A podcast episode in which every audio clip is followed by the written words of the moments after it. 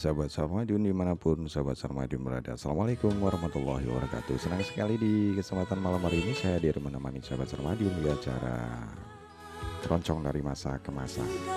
Di edisi siar hari Rabu tanggal 26 September 2018 Tentunya semoga sahabat Sarmadiun dalam kondisi sehat.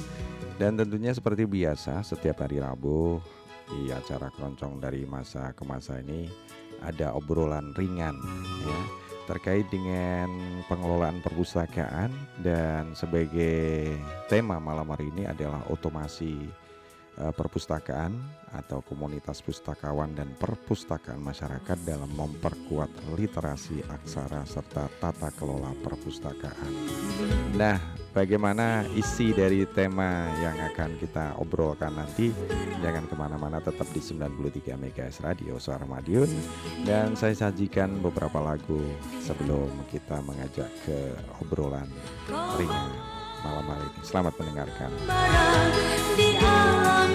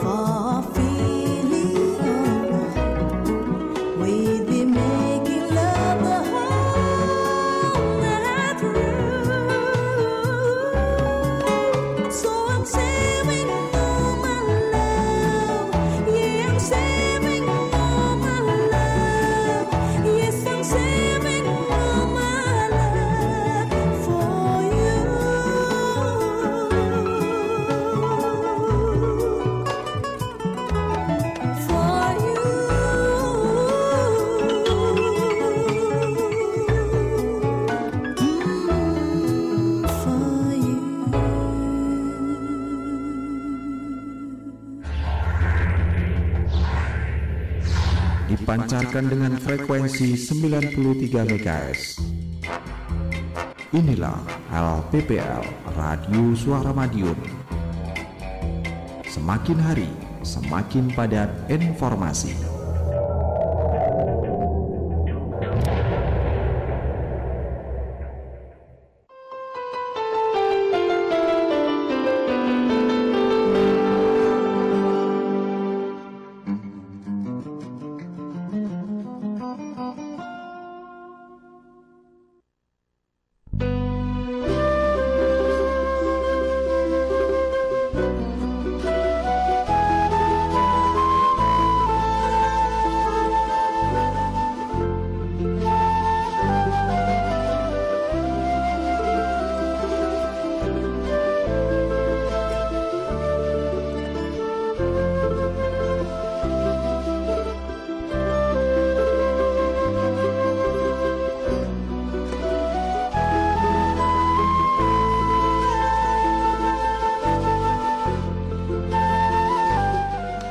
93 MHz sahabat Sarmadiun di mana pun sahabat Sarmadiun berada. Ini saya sudah kedatangan tiga narasumber yang di kesempatan malam hari ini yang ngajak kita ngobrol di sini. Dan tentunya mudah-mudahan obrolan ringan malam hari ini juga bermanfaat buat kita semuanya. Terkait dengan uh, seputar pengelolaan perpustakaan ya.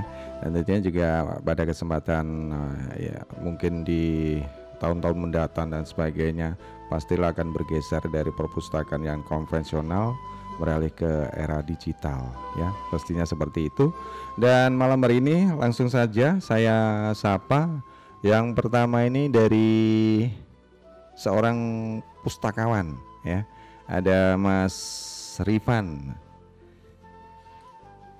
Ya, selamat malam. Selamat malam. Mm -hmm. Sudah hadir di sini. Terima kasih sekali yeah. untuk yang kedua Mas Rifan ya. Iya, yang kedua. Terima kasih sekali selalu sehat dan masih Amin. apa tetap semangat mengelola Amin. perpustakaan yang di Mandua kalau Mandua ya, Mandua Kota Madiun. Dan saya dengar juga mendapatkan juara dua anugerah tenaga pendidikan wah luar biasa Jawa Timur tahun 2018 luar biasa banyak prestasi iya. itu sahabat Zara Madiun dan narasumber kedua ini dari seorang pustakawan juga dari SMA Negeri 3 Taruna Angkasa Madiun selamat malam Mbak Rani Selamat ya, malam. Selamat malam. Terima kasih sudah hadir. Sama-sama. Dan tentunya juga baru pertama ya. Iya. Hmm, kebetulan juga ini terkait dengan pustakawan nanti kita ngobrol-ngobrol uh, lebih detail kaitannya dengan pengelolaan perpustakaan. Dan selanjutnya, sahabat Sermadion, ada oh, ada seorang yang mungkin ya, kalau di media sosial sudah nggak asing lagi kalau di sana. Selamat malam Mbak Esther. Selamat malam Mas. Ini khususnya yeah. di di lingkungan pemerintah kota ini nggak asing lagi nih Mbak Esther ini yang luar energik begitu Nah, ini ya, sebagai amin. mewakili petugas dari salah satu BPID Betul dan juga sekali. penggerak Kim yang ada di Kelurahan Kanigoro. Ya. Terima kasih sudah hadir. Terima kasih. Dan tentunya nanti kita uh, ngobrolkan lebih jauh tentang terkait dengan Kim, dengan kolaborasi tentang pe uh, pengelolaan perpustakaan, perpustakaan itu sendiri. di Kelurahan. Oh, iya, siap. Ya, terima kasih.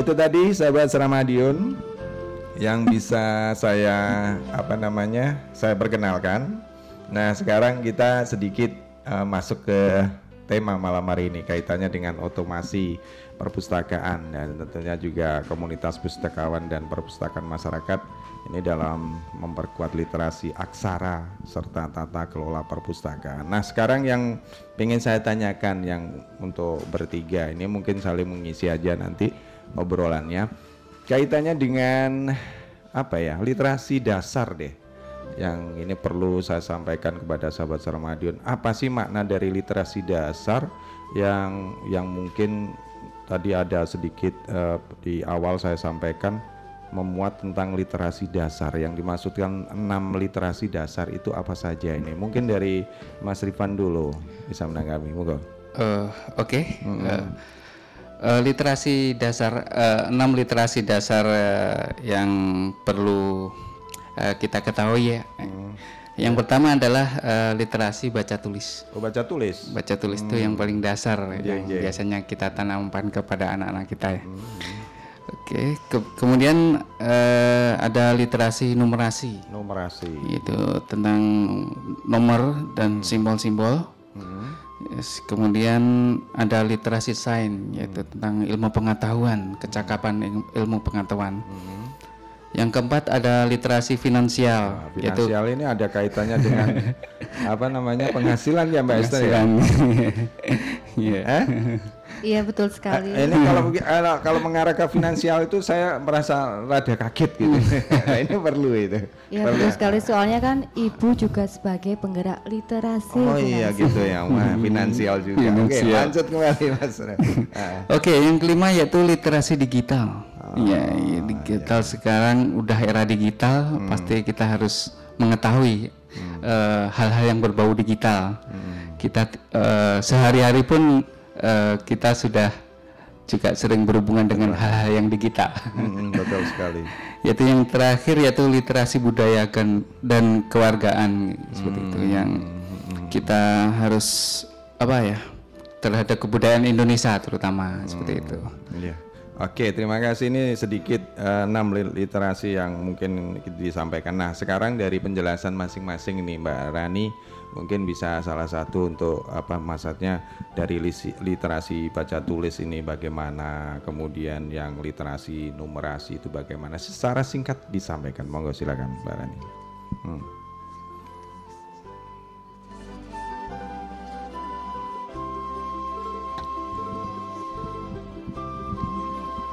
Iya, untuk yang pertama literasi baca tulis. Mm -hmm. uh, pada dasarnya literasi itu kan adalah kemampuan manusia untuk melek aksara ya, secara mm -hmm. sederhananya seperti itu. Oh. Kemudian berkembang menjadi menulis. Mm -hmm.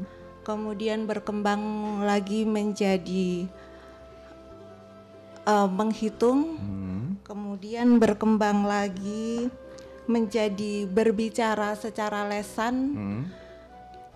Dan yang akhir-akhir ini sering kita dengar kalau kami para pustakawan selalu menyebutnya uh, information literasi adalah kemampuan manusia di mana untuk bisa mengakses informasi, Hmm. gitu. Hmm. Jadi kalau misalnya uh, setiap, apalagi kalau di perpustakaan ya, informasi literasi itu pasti sangat dibutuhkan. Hmm. Kami para pustakawan selalu uh, berusaha memberikan pengetahuan, terutama uh, pengetahuan untuk menelusur informasi Oh, gitu. begitu. Iya. Iya, iya. Terus kalau misalnya yang pertama tadi Literasi baca. literasi Baca baca tulis, tulis, ya. sudah seperti kita ketahui bersama uh, membaca dan menulis. Mhm. Untuk yang kedua Numerasi. numerasi. Hmm. Jadi bagaimana kita memahami sebuah simbol-simbol tertentu. Mhm. Termasuk angka. Termasuk angka, gitu ya. begitu. Kemudian oke oke. Iya. Kemudian untuk yang sen ini kalau boleh disampaikan cara singkat kalau istilahnya dari bahasa sign ini orang ber- ber- beranggapan bahwasanya sign ini adalah ilmu pasti dan sebagainya. Apakah seperti itu bunganya? Monggo.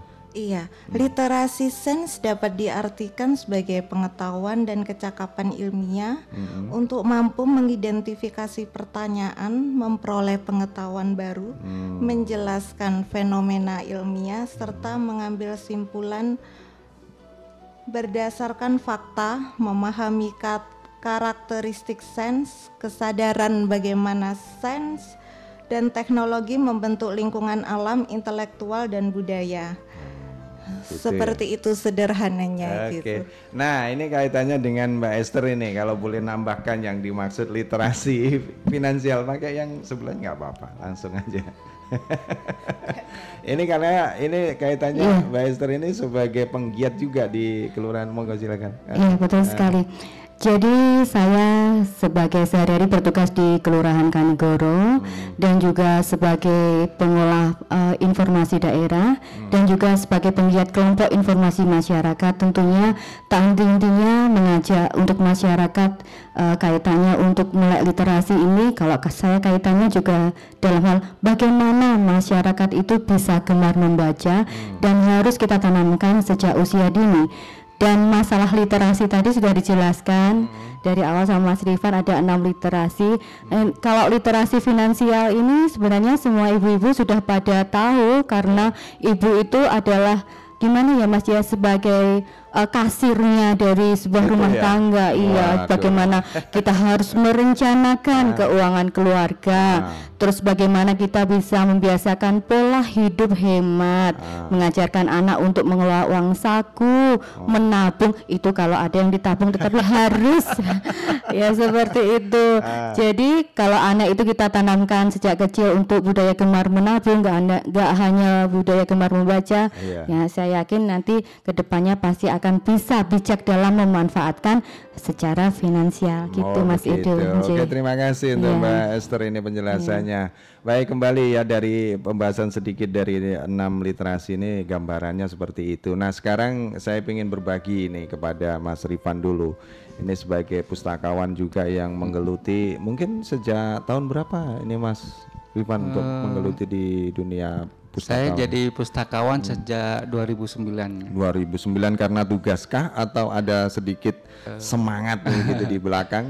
Untuk dari awalnya saya sebenarnya sebelum kuliah itu saya sudah suka dengan perpustakaan. Saya eh, kenal perpustakaan waktu MI atau SD itu ya kondisinya buku di rak itu suka sekali baca. Oh gitu. Setelah itu saya di masuk pondok pesantren kebetulan juga eh, mengelola perpustakaan juga. Jadi dari keinginan untuk di perpustakaan itu tersalurkan seperti itu. Setelah dari itu saya kuliah ada jurusan perpustakaan masuk. Wah, pas ini. Setelah itu baru setelah kuliah bekerja di perpustakaan sampai saat ini. Oh begitu. Nah sekarang suka dukanya ini kaitannya ya sedikit kita share ke dengan pendengar semuanya. Tentunya yang namanya kalau sekarang eranya baca tulis ini nampaknya agak sedikit tergeser. Ya walaupun sama-sama dengan uh, baca tulis ya. Kalau Iya. kita pegang handphone kan pasti baca tulis di tulis. situ. Tapi beda rasanya kalau kita di suatu tempat tertentu begitu seperti perpustakaan. Iya. Ini kemudian ada buku-buku di sana.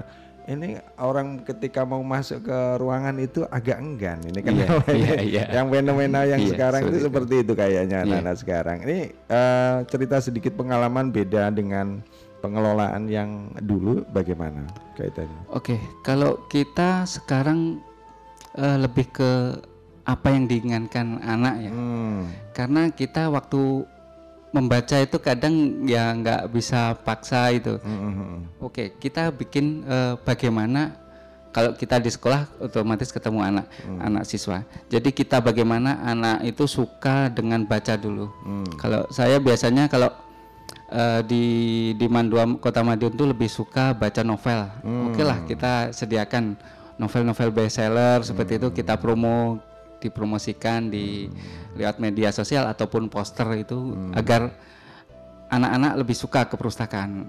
Ya, alhamdulillah setelah saya melakukan itu ada peningkatan eh, jumlah siswa yang eh, datang ke perpustakaan, termasuk yang pinjam bukunya sampai eh, batas maksimal itu nggak pernah kosong gitu.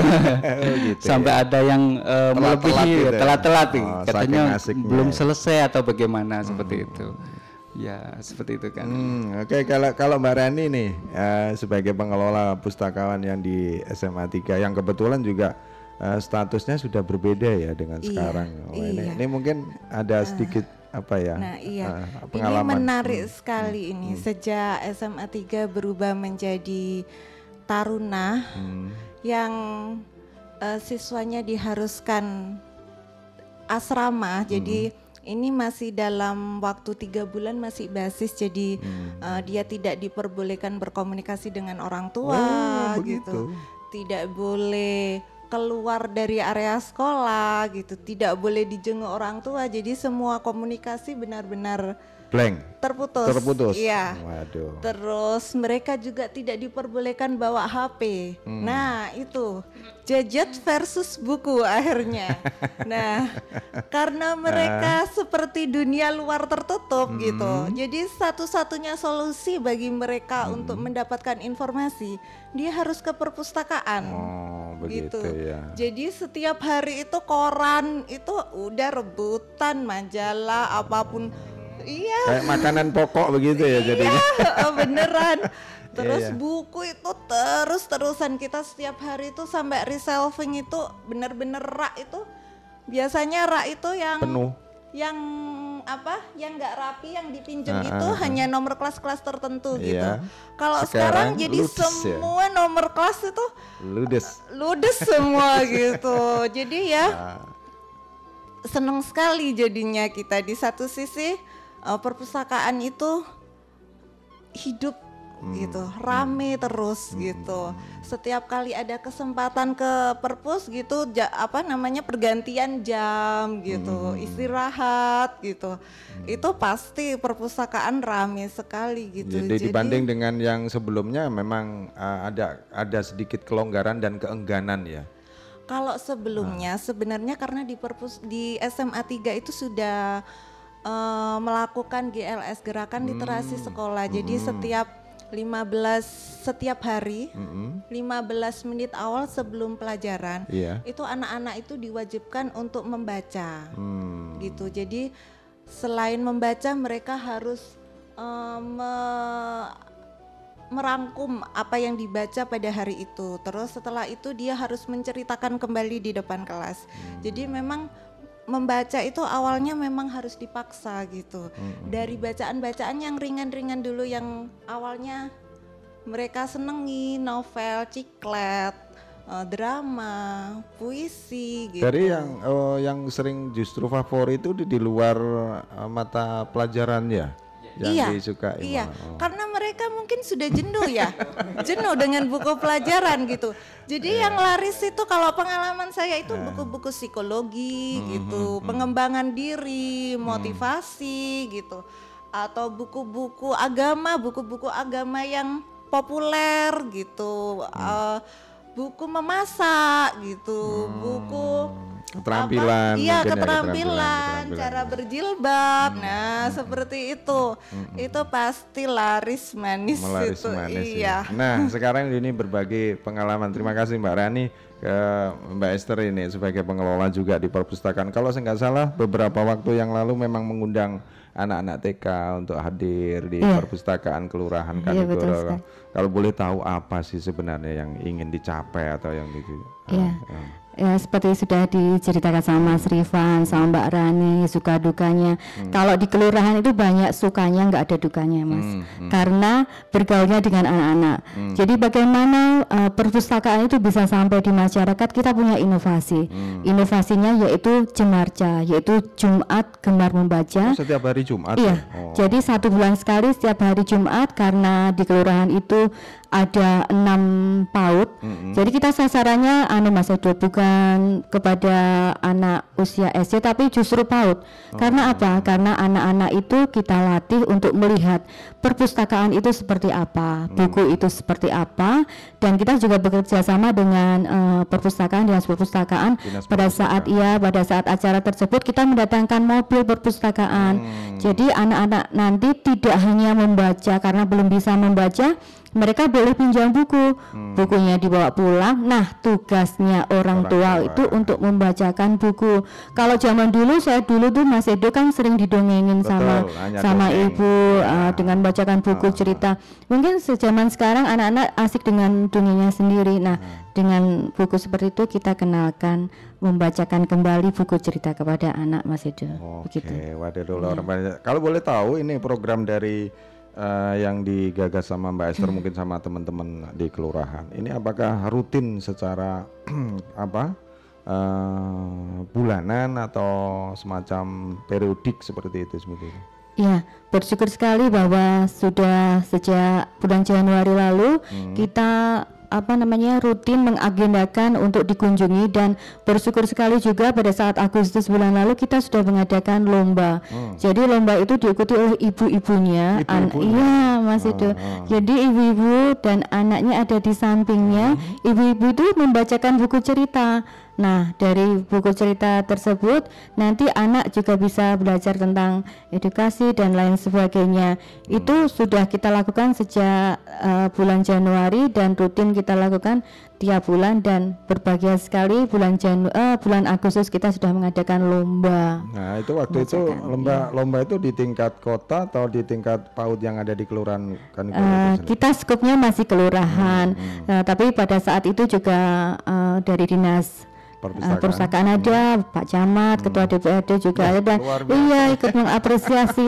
kita tahun depannya mungkin akan lebih skupnya Melebar lebih gitu ya luas lagi Mas Edo mohon doanya juga, mohon supportnya dari teman-teman juga untuk lebih menjangkau yang lebih luas lagi Mas Edo. Ya, saya doakan deh. Amin. terima kasih. Amin. Mbak Mbak Esther Iya, yang ada iya. di kelurahan ini. Iya. Oke, terima kasih. Dan selanjutnya ini saya beri kesempatan untuk sahabat Saramadion ya di 461817 via apa telepon dan tentunya kalau mungkin nggak bisa terjangkau ini mungkin melalui eh, S- WA ya WhatsApp di 081556451817. Baik nampaknya juga sudah ada yang terhubung di telepon. Saya langsung sapa saja. Selamat malam. Selamat malam Mas Edo. selamat malam. Assalamualaikum warahmatullahi wabarakatuh. Waalaikumsalam warahmatullahi wabarakatuh. Ada Mbak Wulan ini. Iya betul. Ada Mbak Esther ya kalau nggak Hmm, salah ya. Ya iya. selamat malam Mbak Esther. Eh, Selamat malam. Ya, terus yang satunya lagi Mbak ada Mbak Rani. Mbak Rani. Ah, ah. Ah, Kemudian ada Mas Rifan. Mas Rifan, selamat deh. Mandua kemarin mendapatkan juara. Iya. Eh, apa itu namanya? Eh, Kakang dan Mbak Yu kalau nggak salah ya kemarin ya. Yang mana? Kak, itu di Mandua. Oh, banyak tempatnya. Iya, Iya. tempat pelaksanakannya. Ya. Mm, mm, mm. Eh, terus buat apa SMA 3 Taruna ya juga Iya. empat kemarin itu kalau nggak salah ya selamat. Eh, terus Itu juga ngikuti tadi- ya Mbak Wulan ya? Oke. Luar biasa ini. Ini kaitannya dengan pengelolaan perpustakaan ini Iya. ada dua pustakawan ini. Ada Hmm. enam literasi ya, Hmm. kalau nggak salah. Hmm. Yang kedua, eh yang pertama, yang kedua, yang ketiga sudah dijelaskan. Kemudian Hmm. yang keempat sudah. Hmm. Eh, yang ting- belum yang tinggal enam itu apa? Eh lima enam itu. Lima enam. Eh, eh, literasi apa? Digital sama Digital literasi dan budaya dan literasi kebu- kewargaan. Eh, eh, eh, keluarga. Ya. Kewargaan. Ke- keluargaan ya itu itu Warga negara ini kaitannya. Kalau Hmm. literasi digital sudah jelas Hmm. bahwa eh, pada zaman sekarang eh, istilahnya sudah bukan baca tapi eh, ke digital, Hmm, ke, hmm, ke gadget ya maksudnya ya. Mm-mm, tapi kalau yang yang keenam ini yang yang tinggal belum. Oh, ya gitu. paham-paham nggak paham harus ditanyakan. Loh, ya, harus ini ya. namanya pengetahuan loh. Heeh. Iya, bagi aku asing banget gitu. Hmm. Makanya kan perlu saya tanyakan. Oke, gitu oke, ya. terima kasih. Iya. Eh, lagunya Lagunya apa ini? eh apa ya? Kalau ada Indonesia Jelita Mas Edo ya. Kemarin saya nyari-nyari ke mana-mana ya? sampai ke Jakarta nggak ada itu. ini ganti apa ini? Eh kalau kalau misalnya nggak ada remaja Pancasila aja deh. Oke, baik. Ya, Mm-mm. eh, buat eh, Mas Edo, buat Mm. Mas Ervan juga Mbak Arni. Mbak Rani, Mbak Rani ya Allah dibalik-balik Mbak Rani juga Mbak Ellen Mbak Esther. Mbak, eh, Mbak Esther Eh, sukses saja deh Oke, oke. itu aja Mas Edo Oke. makasih waktunya Sama-sama. Assalamualaikum warahmatullahi wabarakatuh Waalaikumsalam warahmatullahi wabarakatuh. Yang ditanyakan yang keenam ini dari literasi dasar ini. Monggo silakan langsung ditanggapi saja ini. Nampaknya juga penasaran ini Mbak Wulan. Iya, monggo Oke. silakan Mas Rivan. Oke. Literasi yang keenam yaitu literasi budaya dan kewargaan. Tadi mungkin salah sebut Hmm. keluarga. Iya. Oke, literasi budaya dan kewargaan merupakan kemampuan dalam memahami dan bersikap terhadap kebudayaan Indonesia sebagai identitas bangsa. Hmm, ini karakter nih nggak bisa Karakter ditawar-tawar nggak ya. bisa ditawar kebudayaan Indonesia. Literasi budaya merupakan eh, kemampuan individu dan masyarakat dalam bersikap terhadap lingkungan sosialnya sebagai bagian dari suatu budaya dan bangsa ya. Oh. Jadi kita tahu hak dan Hak dan kewajiban, kewajiban sebagai warga warga negara ya. Iya. Iya, ini kalau itu. Mbak Esther mau nambahkan kan? Iya. Monggo silakan. Ya, pakai ini aja gak apa-apa. Enggak apa ya. Ah, ya. ya. Anu mau menambahkan saja Mas Ah, Edo dari ya. Mas Rifan tadi bahwa ibu itu sebenarnya juga penggerak literasi loh. Oh. Nah, ada enam tadi yang literasi budaya dan kewargaan yaitu Hmm. biasa menggunakan bahasa daerah. Jadi misalkan tata krama, Hmm. karakter ya, jadi harus berbudi pekerti di ojo, ojo lali karo jawone. Hmm. Ya. Terus seperti begini, mendongeng cerita rakyat seperti tadi yang telah saya sampaikan bahwa membacakan buku cerita kepada anak itu sangat membentuk untuk budi pekerti. Nah, salah satu contohnya yaitu mendongengkan cerita rakyat. Itu salah satu ibu berperan serta sebagai literasi budaya dan kewargaan. itu Mas Edo yang Hmm. Wah, menurut saya tambahkan. nih ternyata kalau kita kembangkan dari literasi arti sesungguhnya literasi budaya dan kewargaan ini luas sekali ya. Mungkin eh, mudah-mudahan Mbak Wulan juga sudah puas dengan tanggapan dari narasumber dari dua pustakawan ini. Nah, ya, mudah-mudahan juga sudah bisa dimengerti makna dari literasi budaya dan kewargaan. Nah, sekarang kembali untuk sahabat Ramadan yang ingin berinteraksi di sini online silakan di 461817 sekali lagi juga melalui WhatsApp di 081555645117 ya. Sambil menunggu saya lanjut obrolan malam hari ini untuk Iya, ketiga pustakawan ini tadi juga sudah uh, berbagi tentang pengalaman. Nah, sekarang uh, sebenarnya dari uh, keunikan atau mungkin dari sisi keasikan di perpustakaan ini khususnya dari sebagai pustakawan ini apa sih sebenarnya? Kadang uh, secara awam ya kita sendiri yang yang eh, sebagai orang biasa seperti itu me- menganggap ketika kita masuk pustakawan itu sudah terbersit di sini bahwasannya ini pasti harus anteng, tenang dan sebagainya, harus tertib dan sebagainya. Ini ini, ini sebelum sebelum dijawab nanti kita persilakan yang sudah tersambung.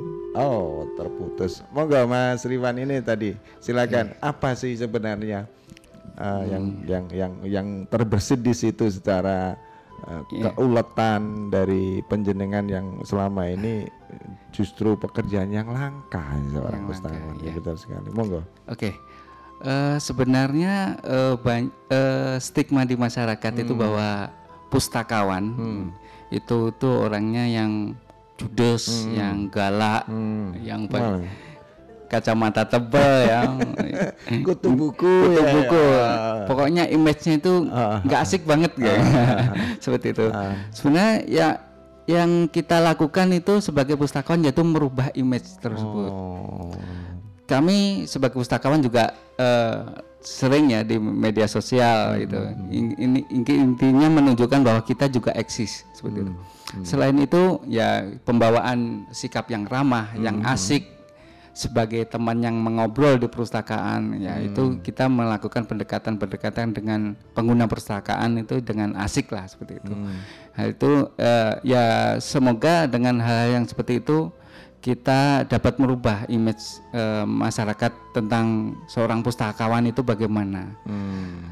Banyak juga yang pustakawan itu yang galak, boyo jangan galak-galak kayak gitu. Saya sendiri sama teman-teman bilang gitu ya. seperti itu. Itu ada komunitasnya ya dari pustakawan yang di Kota Madiun. Ya, kalau saya sebenarnya sejak 2011 itu merintis eh, suatu komunitas eh, otomasi perpus pada awalnya. Tapi seiring waktu kita berkembang sebagai ya pos, pus- apa eh, komunitas pustakawan aja lah. Di situ kita sharing, kita berbagi, kita belajar bersama intinya. Bagaimana pengelolaan perpustakaan yang baik. Ada rutinitas agenda ketemuan di satu tempat atau base camp seperti itu, Mas Raif. Kalau itu eh, kita biasanya cuman ya sharing-sharing di media Oh, sosial di aja grup ya, ya, di sudah. grup, Oh, di WA itu karena ya kita ya teman-teman sudah sibuk dengan dunianya seperti itu, apalagi tuntutan-tuntutan di Betul, tempat betul. kerja seperti susah untuk meninggalkan Ah, ah, ah. seperti itu. Oke, kalau ini ingin menambahkan Mbak Rani kaitannya dengan sebenarnya apa sih yang unik dan yang yang sangat menarik yang selama ini dikelola Mbak Rani di SMA Iya. 3 Monggo silakan. Suka dukanya sebagai pustakawan Oh. ya kebetulan karena kita di perpustakaan sekolah. Ah, Jadi kita melayani siswa antara usia 15, 15. 16 ya, Ya, 16 15, sampai 18 ya. Eh, jadi kalau menurut hemat saya yang pertama, kita harus bisa menjadi mereka Hmm. supaya kita nyambung gitu. Karena zamannya kita dulu SMA sama zaman sekarang Jauh itu ya. sudah jauh. Apalagi zaman saya ya. Iya iya iya iya, betul betul. Iya, Ah. jauh sekali gitu. Jadi kita harus bisa menyelami Hmm. pikirannya mereka, maunya mereka, kesenangannya mereka gitu. Sekarang ini sebenarnya banyak sih cara-cara yang bisa kita lakukan. Misalnya perpustakaan itu sebenarnya bukan tempat yang menyeramkan kok. Eh, apa namanya? Malah perpustakaan itu menyenangkan. Jadi eh, perpustakaan itu juga buat tempat rekreatif loh gitu. Oh, kita gitu bisa ya. Bisa di diciptakan perpustakaan. gitu. Iya. Misalnya dengan kita memutar lagu-lagu yang lagi tren Hmm. menurutnya mereka. Kadang saya tuh sering merasa banyak ketinggalan gitu. Oh gitu ya. Iya. iya gitu. Ah, Jadi sering kali saya tuh dapat masukan dari mereka, "Bu, putar lagu ini dong." Itu lagu Ah. apa gitu. Ada bisa request juga di situ. itu yang nyanyi siapa gitu Ah. atau em anu dong bu anu apa namanya buku ini gitu oh ada penulis baru ya oh ada buku itu loh bu buku yang udah difilmkan gitu Ah. kayak buku Dilan dah Asa saya ya Iya. langsung blank ini kalau Eh, iya Iya, gitu iya, jadi iya, enaknya kita itu bekerja di eh, di perpustakaan sekolah itu kita kayaknya awet muda terus gitu gitu, ya mengikuti apa ya, si peminjam atau Iya. seperti di Terus lingkungan tertentu. kepuasan kepuasan tersendiri buat kami para pustakawan itu ketika mereka cari sesuatu gitu ya. Hmm, Terus kita bisa membantu Mengajukan. mereka gitu. dan menemukan. Iya, dan menemukan informasi yang dia butuhkan gitu. Oh, kadang mereka itu kan nggak ngerti. Saya pokoknya pingin cari ini bu gitu. Hmm. Tapi kan kita harus bisa menuntun. Yang kamu cari itu apa? Kadang kan apa misalnya mereka cari tentang pariwisata eh, Jogja misalnya gitu. Hmm. Dia cari di OPEC di katalog itu ngetiknya pariwisata Jogja, Jogja, gitu. ah. Padahal pariwisata Jogja itu kan Dan bisa masuk sekali. ke dalam buku-buku yang judulnya nggak pariwisata Jogja. Nah, gitu. Jadi itu peran pustakawan. Hmm, gitu. Iya. sekalian ya. Pentingnya pustakawan, peran pustakawan begitu, iya. Hmm. Nah, nah saya kira se- se- ke Mbak Esther ini sebagai pengelola juga nih kalau saya dengar walaupun disibuk di BPID-nya, kemudian di KIM, Iya. nah ini giat untuk mengangkat perpustakaan kelurahan. Iya. Ini bagaimana nih ya? Jadi saya sama Mas Rifan sama Mbak Werni itu berbeda sekali Mas. Jadi saya nggak harus standby setiap hari karena di kelurahan itu sudah ada tam, eh, ruang pojok baca, di mana ruang pelayanannya itu di pojoknya juga ada buku-buku yang bisa dipinjam, boleh dibaca. Nah, karena kaitannya saya tadi membuat inovasi bagaimanakah perpustakaan itu supaya ada di hati masyarakat, makanya saya mengajak untuk anak-anak datang melihat perpustakaan. Jarang loh Mas, iya perpustakaan kelurahan itu dikunjungi itu jarang sekali. Paling ya juga pojok bacanya itu yang karena jadi satu dengan pelayanannya dan itu eh, inovasinya bagaimana eh, memasyarakatkan eh, budaya gemar membaca itu sejak usia dini.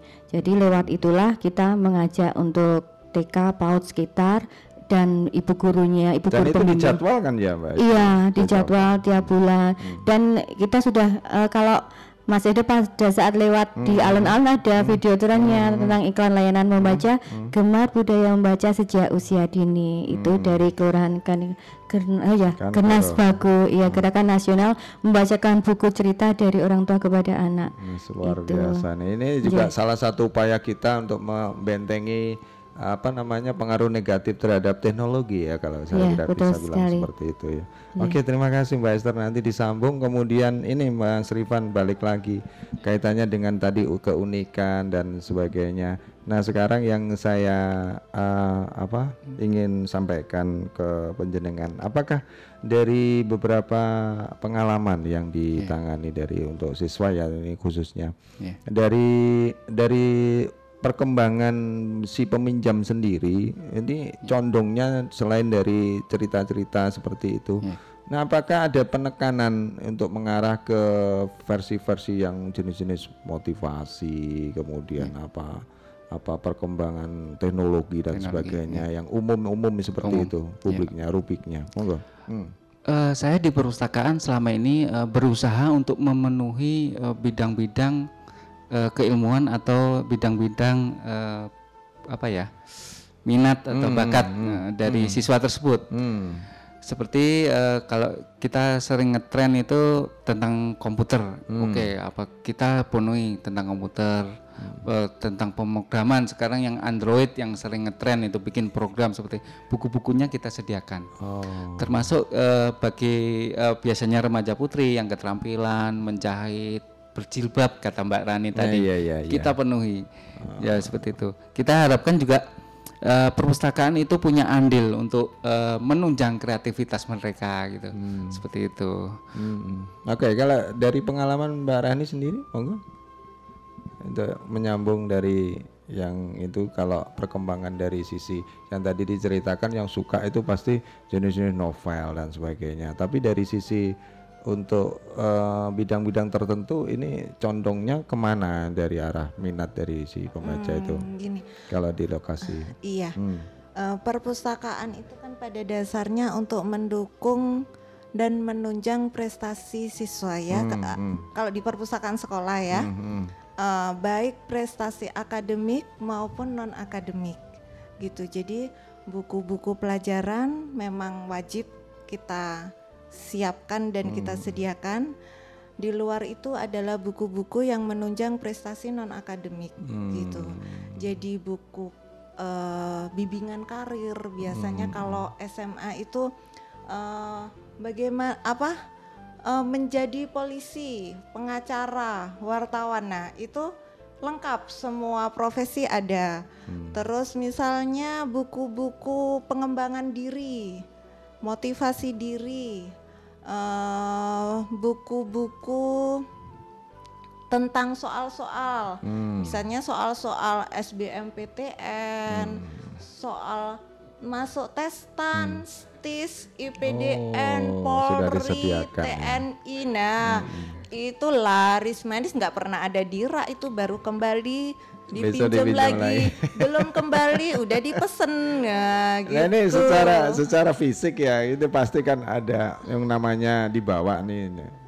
Kan pasti ada ada apa hal-hal tertentu yang wajib harus dipatuhi katakanlah untuk merawat dan sebagainya. Ini apa juga ditentukan denda semacam eh, sanksi lah kalau misalkan rusak dan sebagainya. Ini kan ini berputar. Ini bagaimana? Eh, Ya. Kalau rusak itu itu sudah resiko Oh, ya. resiko. Iya. Terus kalau dari buku pihak sekolah? Malah kalau buku rapi Malah nggak dibaca kira-kira. iya bener Iya, iya, iya, gitu. iya. Jadi Ah. buku semakin lecek itu berarti semakin Laris manis ya? makin ber ya. Ya, tapi pasti ada ada sanksi kah di sana? Sanksi itu diperlakukan ketika mereka eh, melakukan keterlambatan Oh, pengembalian keterlambatan. gitu. Kalau kondisi rusak itu rusak. sudah resiko ya gitu. Atau eh, menghilangkan Hmm. gitu. Kalau menghilangkan memang mereka harus mengganti. Hmm. Iya, karena itu masuk aset negara. Nah selama ini dari apa siri, eh, si- namanya sirkulasi atau Sirkulasi. mobilitas atau mungkin pergantian apa namanya jenis-jenis buku bacaan ini tidak mengalami kendala atau bagaimana mengantisipasi itu? Kalau karena kita sudah dibantu dengan otomasi perpustakaan Ah, ya. ah, Jadi otomasi itu seperti aplikasi atau software yang di dalamnya eh, mempermudah kami para pustakawan ataupun para penggunanya. Dan jadi semua kegiatan perpustakaan itu sudah sudah te- ter, terakomodir dalam aplikasi Database itu. tertentu iya, ya? iya. Jadi dari proses peng- pengadaan, seleksi, pengolahan, telusur kembali informasi. Jadi eh, semuanya lebih mudah, cepat dan akurat gitu. Termasuk informasi misalnya eh, mencari buku tentang eh, misalnya buku tentang Indonesia misalnya Hmm, gitu ya. Indonesia mereka kan biasanya cari di OPEC ya. Hmm. Indonesia keluar semua misalnya dia tertarik satu judul klik gitu detail cantumannya sudah ada informasinya dia sedang dipinjam atau ada di rak nah gitu sampai sedetail itu iya Begitu. Sama ya nih yang di sekolah-sekolah SMA SMK berlaku seperti itu otomatis. Eh, karena kita pakai SLIMS ya, Senayan Library Management System. Jadi kebanyakan udah pakai itu. Di Kota ya, Madiun semua dari Hampir semua sudah pakai itu, mulai SD sampai SMA yang di negeri yang kita pantau. Jadi sudah hampir seperti itu. Memang eh, teman-teman eh, banyak teman-teman pustakawan ya, Iya. itu banyak yang yang belajar, yang sharing tentang itu. Ya sekarang udah banyak yang merasakan. Jadi mudahnya otomasi perpustakaan itu seperti apa? Sangat membantu sekali, seperti yang Mbak Rani bilang tadi, seperti itu. Oke, gambarannya luar biasa. Nah, sekarang nggak sama Mbak Esther ini. Kalau di tingkat kelurahan, kira-kira mengarah nggak ke otomasi? Waduh, Mas masih kalah jauh sekali. Bukan ini kalah dan Iya. menang ya, tapi itu sangat Iya, masih harus belajar Mas. Edo. Oh, Sepertinya kalau kelurahan itu semuanya masih manual, Mas. Oh. Makanya eh, kita berupaya untuk menggerakkan minat baca masyarakat itu bagaimana untuk mengunjungi perpustakaan. Hmm. Jadi masih kalah jauh, masih belum ada apa-apanya. Kira-kira Mas- ada minat Gimana? nggak ke ke arah ke sana misalkan sampai tingkat kelurahan ada otomasi Iya, pastilah. itu kan di, Pasti. hanya menggunakan ini ya aplikasi tertentu begitu ya Kalau kita masih menggunakan manual, itu pun makanya kita perlu berupaya lagi bagaimana masyarakat itu mau untuk datang ke perpustakaan, terlebih lagi mengembangkan minat baca masyarakat ya lewat tadi inovasinya, Mas. Anak-anak kecil diajak ke perpustakaan seperti ini perpustakaan kita. terus selain ini eh, Mbak Esther kalau boleh saya potong untuk eh, ini mengembangkan minat baca itu sendiri terhadap eh, anak PAUD ya apakah Hmm. di luar ketentuan jam jadwal yang sudah ditetapkan ini di dipersilakan untuk hadir atau bagaimana untuk meningkatkan ini minat baca. Jadi karena kita di tempat pelayanan sudah ada taman baca, pojok taman baca, tentunya kita juga ada jamnya. Setiap hari kita buka. Jadi pada saat jam 7 sampai jam 14 15.30 sudah dengan jam pelayanan kita. Bagi mereka yang mau datang ya kita persilahkan. Tetapi kalau untuk uh, khusus satu sekolah sudah kita Oh jadwalkan. jadwal ya, Ya, seperti itu. sudah ada Tapi jadwalnya tidak sendiri. menutup kemungkinan untuk yang per individu atau orang tua yang ingin meminjam mem- sesuatu. Iya, sesuai dengan jam pelayanan. Terus gitu, dari dari ini koleksi dari buku-buku ini juga disupport langsung atau bagaimana? Mandiri kan di sana? kita disupport langsung dari dinas perpustakaan ya, tapi masih kurang jauh. Kapan itu kita masih anu minta ya Mas ya.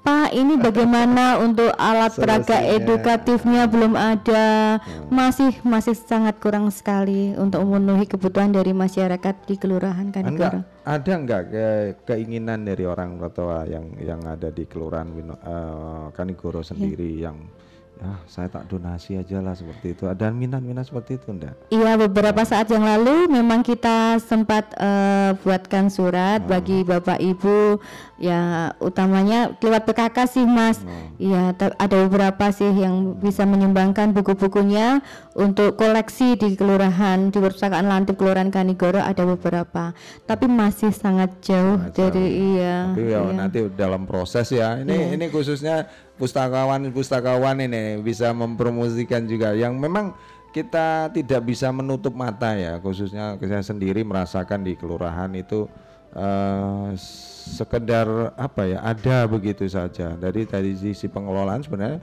dari dinas perpustakaan dan OPD terkait ini sebenarnya juga ada upaya seperti itu tapi membangkitkan kembali ini sangat-sangat butuh tenaga ekstra ya untuk dikelola. Ini mungkin eh, Mas Rifan dari sebagai pustakawan secara pribadi mungkin apa sih ada trik atau mungkin cara ya untuk ya memang ini serba sulit karena Iya, ini terkait dengan semuanya ya. Iya, Jadi iya. jadi monggo silakan yang bisa Oke. dijalani. Eh, selama ini di perpustakaan Mandua Kota Madiun itu biasanya ada wakaf buku. Hmm. Jadi kalau eh, biasanya kalau donasi lah, kalau kita istilahnya wakaf buku. Jadi eh, monggo yang mau menyumbang eh, kita terima, kita dengan senang hati untuk menerima. Karena itu juga em, menurut kit- kami juga sebenarnya investasi juga, Betul, betul, investasi betul. untuk ke depannya yang Tanpa lebih terasa baik. Iya. investasi yang masuk. Iya. Selain itu kita juga biasanya kalau di komunitas kami yaitu eh, biasanya juga eh, me- menghimpun. Jadi ada beberapa em, ada masyarakat, ada eh, pihak terkait, toko buku ataupun bagaimana biasanya buku-buku retur yang nggak laku atau bagaimana kita minta untuk didonasikan seperti itu. Oh, begitu Setelah itu kita sumbangkan ke sekolah-sekolah yang mungkin yang membutuhkan. Kalau kita kemarin eh, SGSB itu sumbang sambang gunung, sumbang buku yaitu di di Kare Kabupaten Madiun di SD Kare itu menyumbangkan lima ratusan buku untuk anak-anak SD seperti itu. Intinya kita berbagi juga kita sebagai pustakawan juga sharing berbagi ju- juga ingin eh, apa ya anak-anak atau pengguna apa yang memanfaatkan dari buku itu juga mendapatkan sesuatu dari itu. Oh, ya kalau Mbak Mbak Rani yang bisa ditambahkan mungkin dari sisi ini tadi yang saya sampaikan Eh, itu. kalau kebetulan di SMA 3 itu saya lebih memanfaatkan eh, kerjasama ya, kerjasama CS CSR perusahaan, ya gitu. Jadi Nah, kita memasukkan proposal-proposal ke perpustakaan ke eh ke beberapa perusahaan, instansi gitu. Kira-kira kelurahan bisa nggak ya? Mangga silakan. Ya. Mangga lanjut dulu. Silakan. Kita mau nyontos juga Mas itu. ya ini kan bisa Itu berkolaborasi. inovasi baru, iya. Oh, Iya. Kalau kami kebetulan memanfaatkan alumni gitu. Oh, alumni. Iya. Jadi alumni-alumni yang sukses, yang sudah bekerja di eh, lembaga-lembaga perusahaan-perusahaan. Nah, itu kita biasanya memanfaatkan jasa alumni itu dan Kalau mengandalkan sumbangan dari siswa kita nggak pernah mewajibkan sih ya. Cuma ya sukarela aja, sukarela aja gitu. Itu pun tidak bisa signifikan ya sesuai dengan keinginan iya, atau iya, iya itu benar. eh, sesuatu apa bidang tertentu gitu ya. Padahal Iya. yang diinginkan Iya kan benar ada. sekali. Tapi Biasanya selama ini pengalamannya untuk pengadaan dari sisi ses- me- menyesuaikan permintaan dari peminjam sendiri, apakah ada kesulitan kaitannya dengan ini? Moga saya sampaikan, silakan. Nah, Kalau di Mandua Kota Madiun kita memberi semacam form ya, form usulan buku. untuk tahun ke depan apa yang menambahkan seperti itu? Eh, biasanya untuk penambahan sih, Eh, penambahan dari itu nanti dari siswa kita ditaruh di meja di depan gitu, terus ada guru juga ada sesuai mapelnya atau kebutuhan untuk penunjang untuk mengajar ya, seperti itu. Yaitu diharapkan nanti dari usulan-usulan itu kita sortir eh, bagai ba- mana yang sesuai atau yang tidak. Nanti kalau eh, sudah ada anggaran kita ajukan untuk pembelian seperti itu. Hmm, kalau di Man, eh, SMA 3 gimana secara ini sirkulasi untuk penambahan atau Iya bagaimana kurang ini? lebih sama ya. Kita menghimpun dari usulan eh, pengguna baik siswa ataupun guru gitu. Terus kalau ada anggaran kita setiap tahun selalu dapat cetak anggaran pem- pembelian buku. Gitu. Adakah kerjasama dengan dinas perpustakaan selama ini dari dari Slim tadi ya juga terkoneksi enggak? Monggo dengan jaringan anu. Oh, kalau eh, dari dinas sih kita belum karena eh, dinas eh, memakai dengan software yang lain seperti itu. Tetapi eh, dinas tidak menutup kemungkinan eh, membebaskan siapa pun yang mau pakai software apa pun monggo. Kita intinya bahwa kita bisa meningkatkan kinerja di perpustakaan, memudahkan pengelolaan dan manajemennya seperti itu. Tidak mewajibkan. Jadi kalau mau pakai Slim monggo silakan kan ada Slim juga, ada Enlist dari Perpustakaan Nasional. Yaitu silakan. Jadi pada intinya bagaimana perpustakaan kita bisa lebih baik. Oh Seperti begitu itu. ya. Ya. Jadi di sana sudah disediakan database nama buku, pengarang dan sebagainya. Iya. Apakah itu nanti termasuk juga literaturnya di situ sudah tertampungkah hanya bentuk semacam e-katalog seperti itu? Sebenarnya kalau katalog eh, lebih ke eh, apa ya?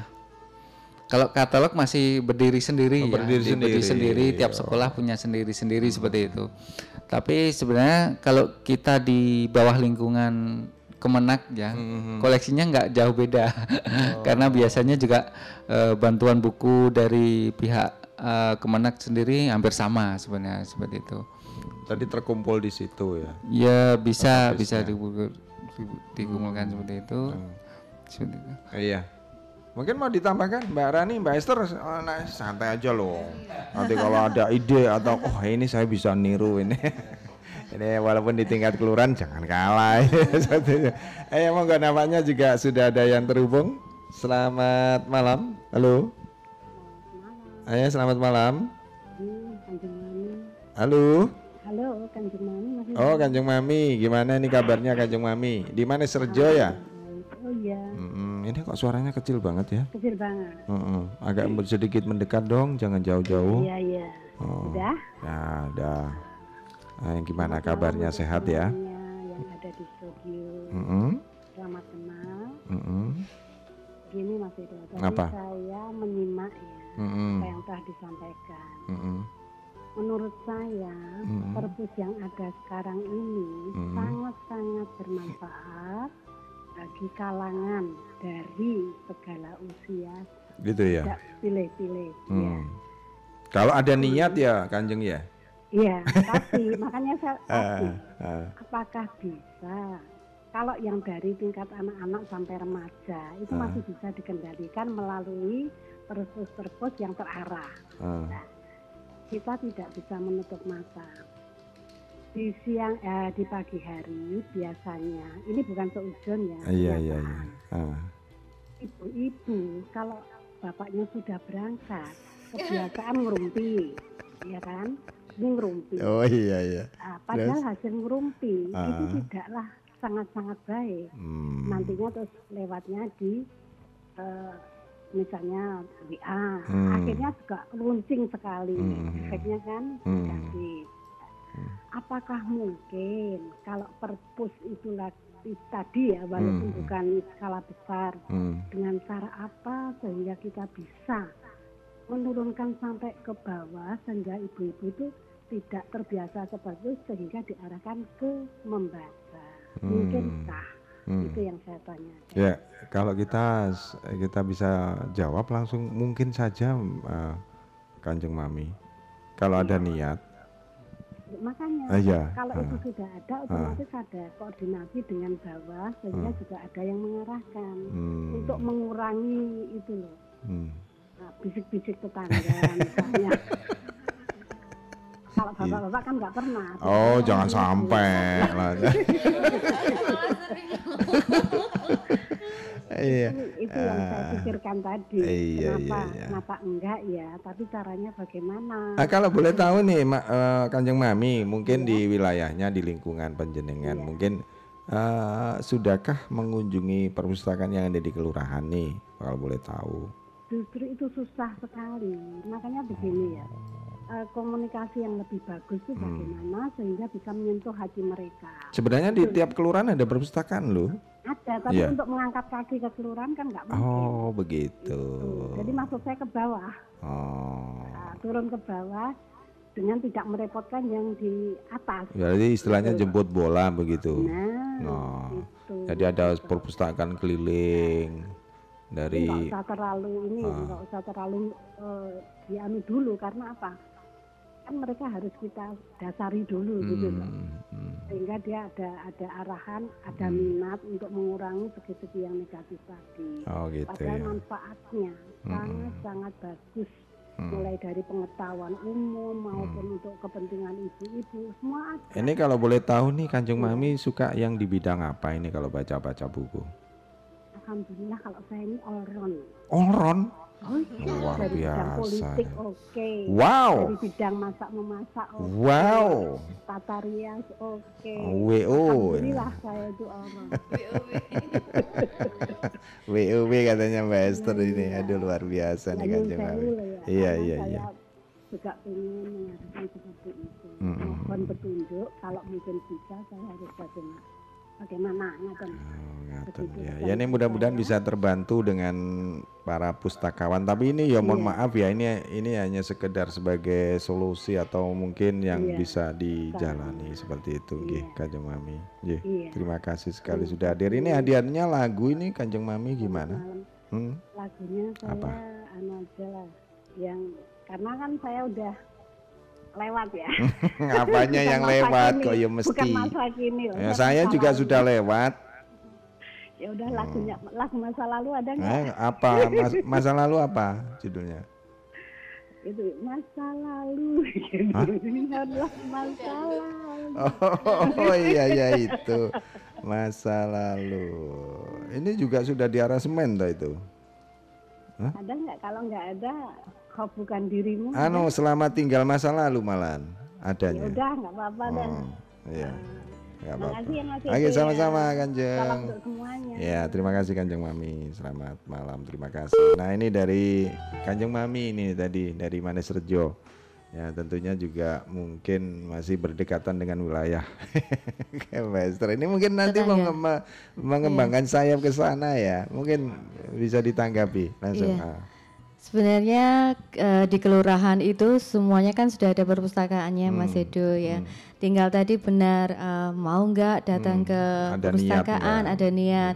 Nah kalau masalah bisik-bisik itu semuanya Mas, nggak pandang umur, nggak pandang gender, semuanya Iya. pasti ya suka. Cuma eh, sebenarnya kan kita eh, sekarang kan harus hati-hati ya Mas ya. Hmm. Bisik-bisik ini berita nggak benar kita share ke WA karena kan sudah ada undang-undang ITE-nya. ITE, Hati-hati jangan sekali. sampai itu berita hoax belum belum apa sudah kita share itu kan harus kita sikapi lebih dulu pada saat kita mau men-share ke grup. Nah, mensikapi masalah perpustakaan itu kalau di Kelurahan Kanigoro pada saat PKK karena gedung PKK itu bersebelahan dengan eh gedung pertemuan itu Iya. bersebelahan dengan eh, gedung perpustakaan. Jadi pada saat apa namanya acara pertemuan PKK kita buka gedung Oh, perpustakaannya, perpustakaannya jadi bisa dibaca sama ibu-ibu. Nah, Kanjeng Mami aktif nggak PKK? Pada saat iya. mungkin PKK boleh juga berkunjung ke perpustakaan lihat-lihat bukunya gitu Mas Oke, Edo. Walaupun Iya. hanya melihat ya. Melihat, Mungkin nggih. sesekali ada ada keinginan untuk ah saya tak donasi aja menambahkan Ya, koleksi. Nah, itu syukurnya sekali. ya. Iya, Oh, oh, kita yang tunggu diharapkan donasinya, gitu iya. Mbak. Iya. Akan Jemani. Kalau dua pas pustakawan ini Mas Rifan sama Mbak Rani mau nambahkan ini apa sih sebenarnya yang jadi permasalahan yang dimaksudkan Mbak Kanjeng Mami ini Iya. tadi? Bisa bantu ini. Ya, eh, untuk yang seperti yang diungkapkan tadi itu biasanya ya realitasnya seperti itu. Iya. Jadi eh, eh, kemarin tahun kemarin saya sudah eh, diundang eh, pihak apa dinas pendidikan, Hmm. yaitu GNF yang membidangi TK dan PAUD. Iya. Pe- Untuk sharing membuat pojok baca di PAUD. Ya. Ya, pengennya mereka itu eh, di pihak dinas itu menginginkan bahwa eh, orang tua atau ibu khususnya itu yang nunggu di PAUD itu daripada gosip itu di Nah. disiapkan Iya, buku iya, iya, gitu loh iya. daripada gosip atau itu baca buku baca majalah ya untuk mengurangi hal seperti itu Betul. ya nanti untuk selanjutnya saya belum tahu Oh. perkembangannya seperti apa. Saya diajak untuk sharing aja bagaimana eh, pengelola untuk pojok baca di PAUD seperti itu. Memang Hmm. eh, seperti yang di kelurahan mungkin ya pojok baca ya masih perlu apa ya kita belajar mungkin yang di Bu Esther ini.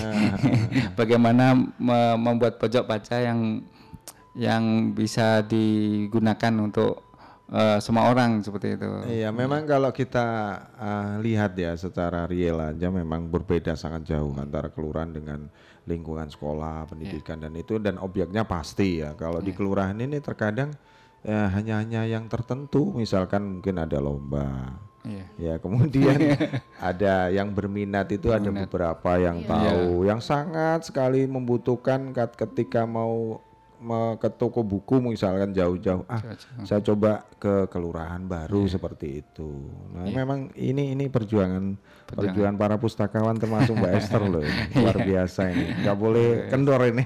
Harus menciptakan inovasi inovasi. Iya ya. Terima kasih. Untuk sementara itu dulu eh, pokok bahasan kita di sesi yang pertama dan tentunya nanti kita berlanjut di sesi yang kedua ya.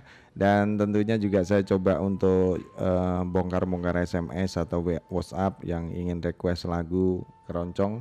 Saya persilakan ya di sini. Ternyata juga masih sepi-sepi saja. Terima kasih sekali. Dan kita langsung saja perdengarkan beberapa lagu yang sudah di request. Ada remaja Pancasila. Eh, semoga terhibur untuk Mbak Wulan khususnya yang request lagu ini dan dilanjut dengan eh, Selamat Tinggal Masa Lalu. Ada Kanjeng Mami tadi yang request. Selamat mendengarkan. secerah gairah pagi mentari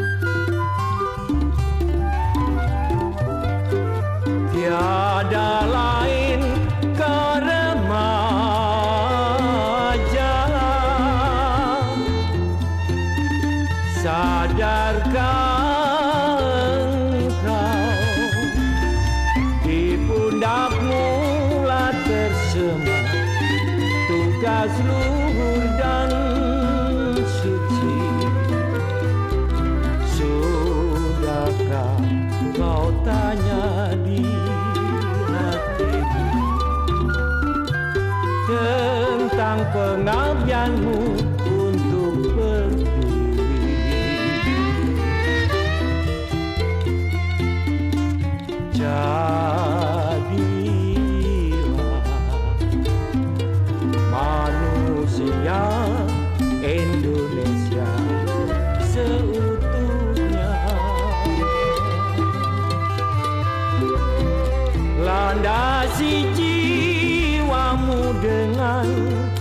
Pancasila. Bekal pengabdianmu pada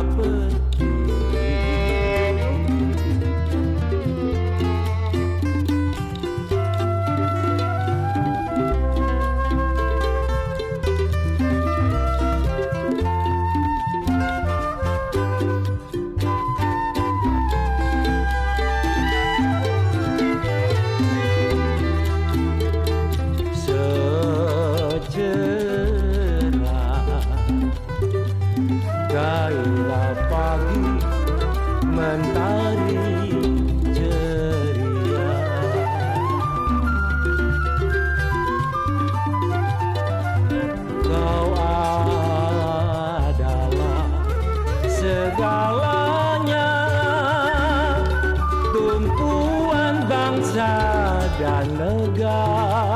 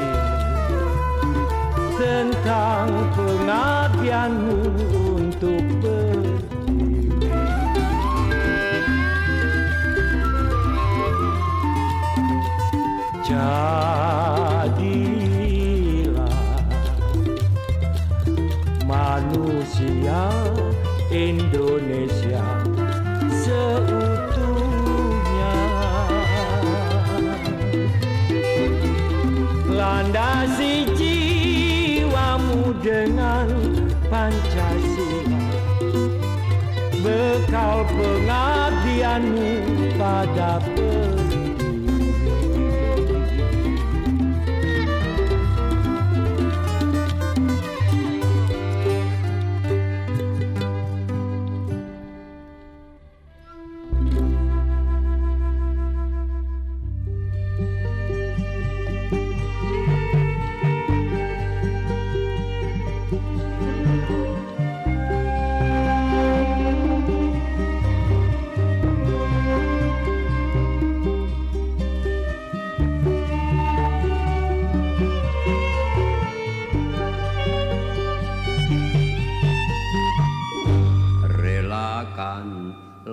pamit pulang.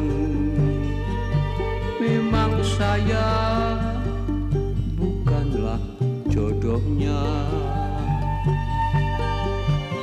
Semoga mendapat gantinya Seorang yang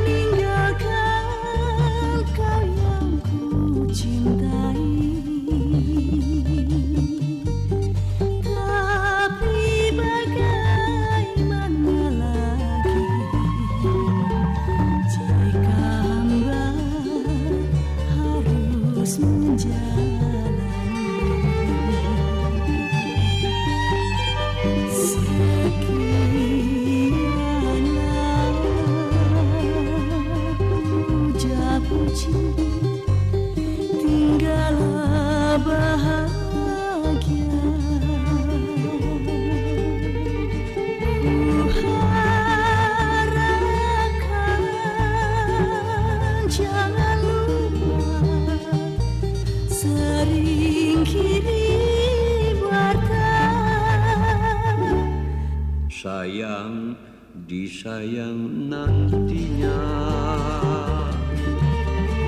Jika engkau hidupmu kecewa Rasa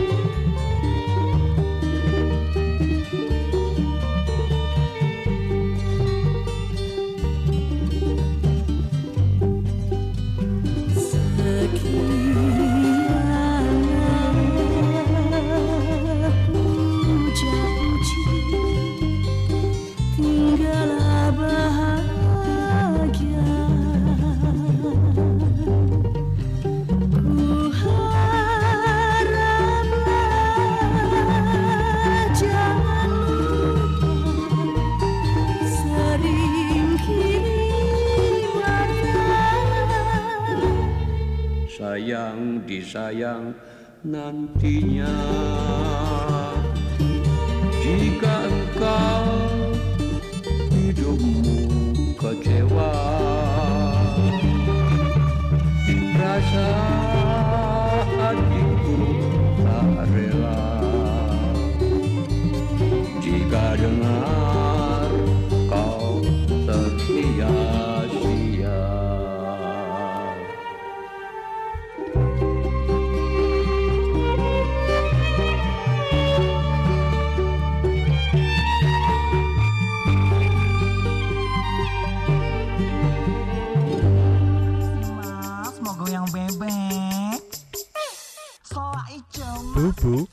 coba dengar suara pengamen itu.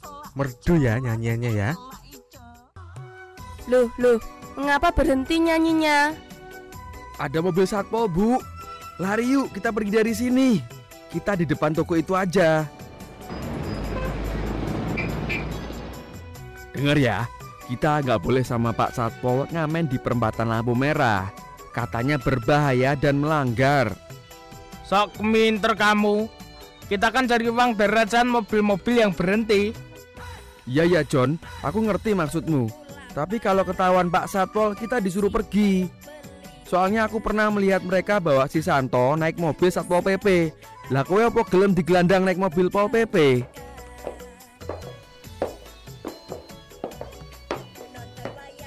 Benar, Dik. Mengamen di perempatan jalan itu sangat berbahaya bagi pengguna jalan dan kamu sendiri. Selain itu juga melanggar peraturan daerah. Maksudnya apa toh Pak Satpol? Nah, biar kalian jelas apa maksudnya, ayo ikut kami naik mobil patrol. Kita ke kantor Satpol PP. Gak mau Pak Satpol, jangan bawa saya. Jangan, Jangan, jangan, Pak. Tidak perlu takut, Dek. Bukankah kalian tadi mau tahu mengapa tidak boleh dan tidak diizinkan mengamen di perempatan jalan? Nanti dipukulin Pak. Hah? Dipukul? Emangnya gendang kok dipukul? Nggak usah takut, nggak mungkin kami akan memukul. Ayo ayo naik mobil semuanya.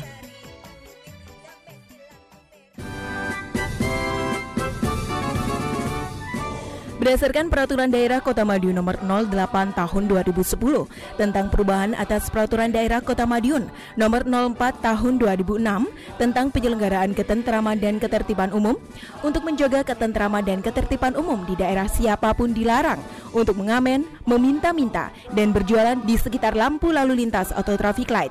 Dilarang memberikan uang atau dalam bentuk apa pun kepada pengamen, pengemis, maupun anak jalanan di sekitar lampu lalu lintas atau traffic light.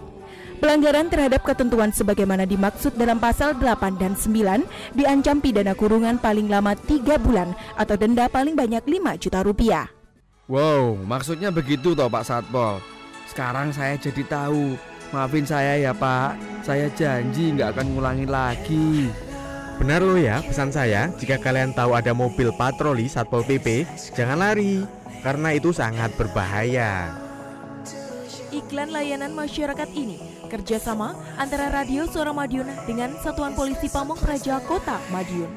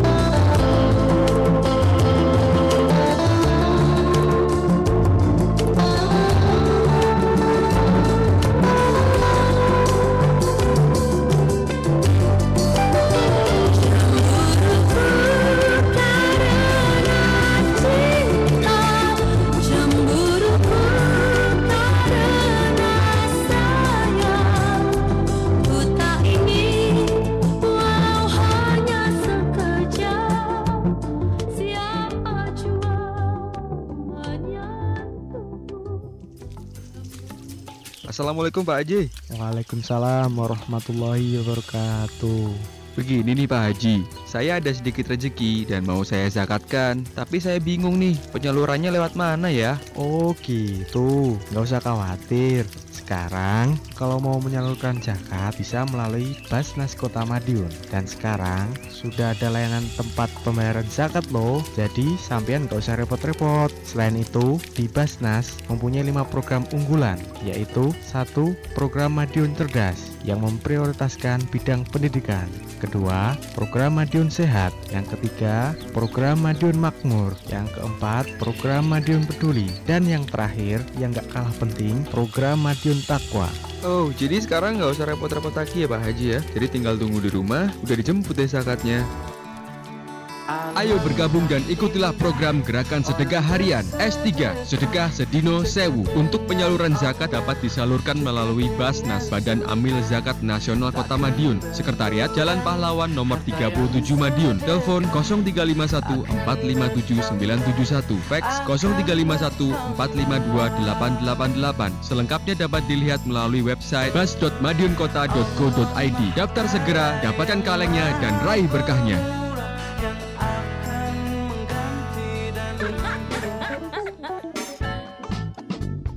Sahabat dari kawasan Stadion Wilis Kota Madiun. Masih bersama 93 FM LPPL Radio Suara Madiun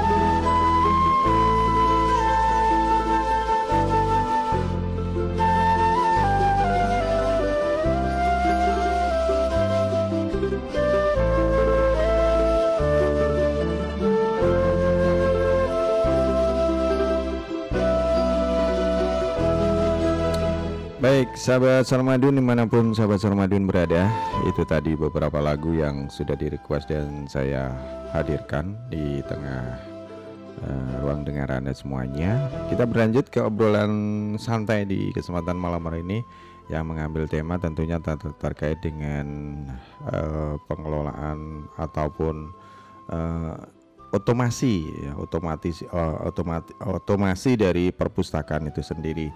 Nah, tadi beberapa hal yang sudah kita bahas luar biasa ini mudah-mudahan juga bermanfaat buat kita semuanya. Kita berlanjut untuk berbagi pengalaman ini kaitannya dengan Mas Rifan ya. Nah, Mas Rifan eh, kalau nggak salah penjenengan juga sudah meraih juara dua anugerah tenaga apa namanya pustakawan ya kependidikan ya dari pustakawan yang dari Jawa Timur tahun 2018. Ya, betul. Ini kira-kira bisa berbagi tentang apa saja sih kriteria tentang uh, pengelolaan perpustakaan atau mungkin sebagai pustakawan itu harus bagaimana dan sebagainya. Mau nggak silakan? Oke. Hmm. Eh, sebenarnya eh, ini saya mewakili eh, karena sekolah kami di bawah Kemenak ya, Iya, bukan. iya, iya. Jadi saya pada awalnya eh, mewakili Kota Madiun untuk Hmm. eh, mengikuti anugerah tenaga kependidikan yang Hmm. diselenggarakan oleh kantor wilayah Kemenak Jawa Timur. Jawa Timur.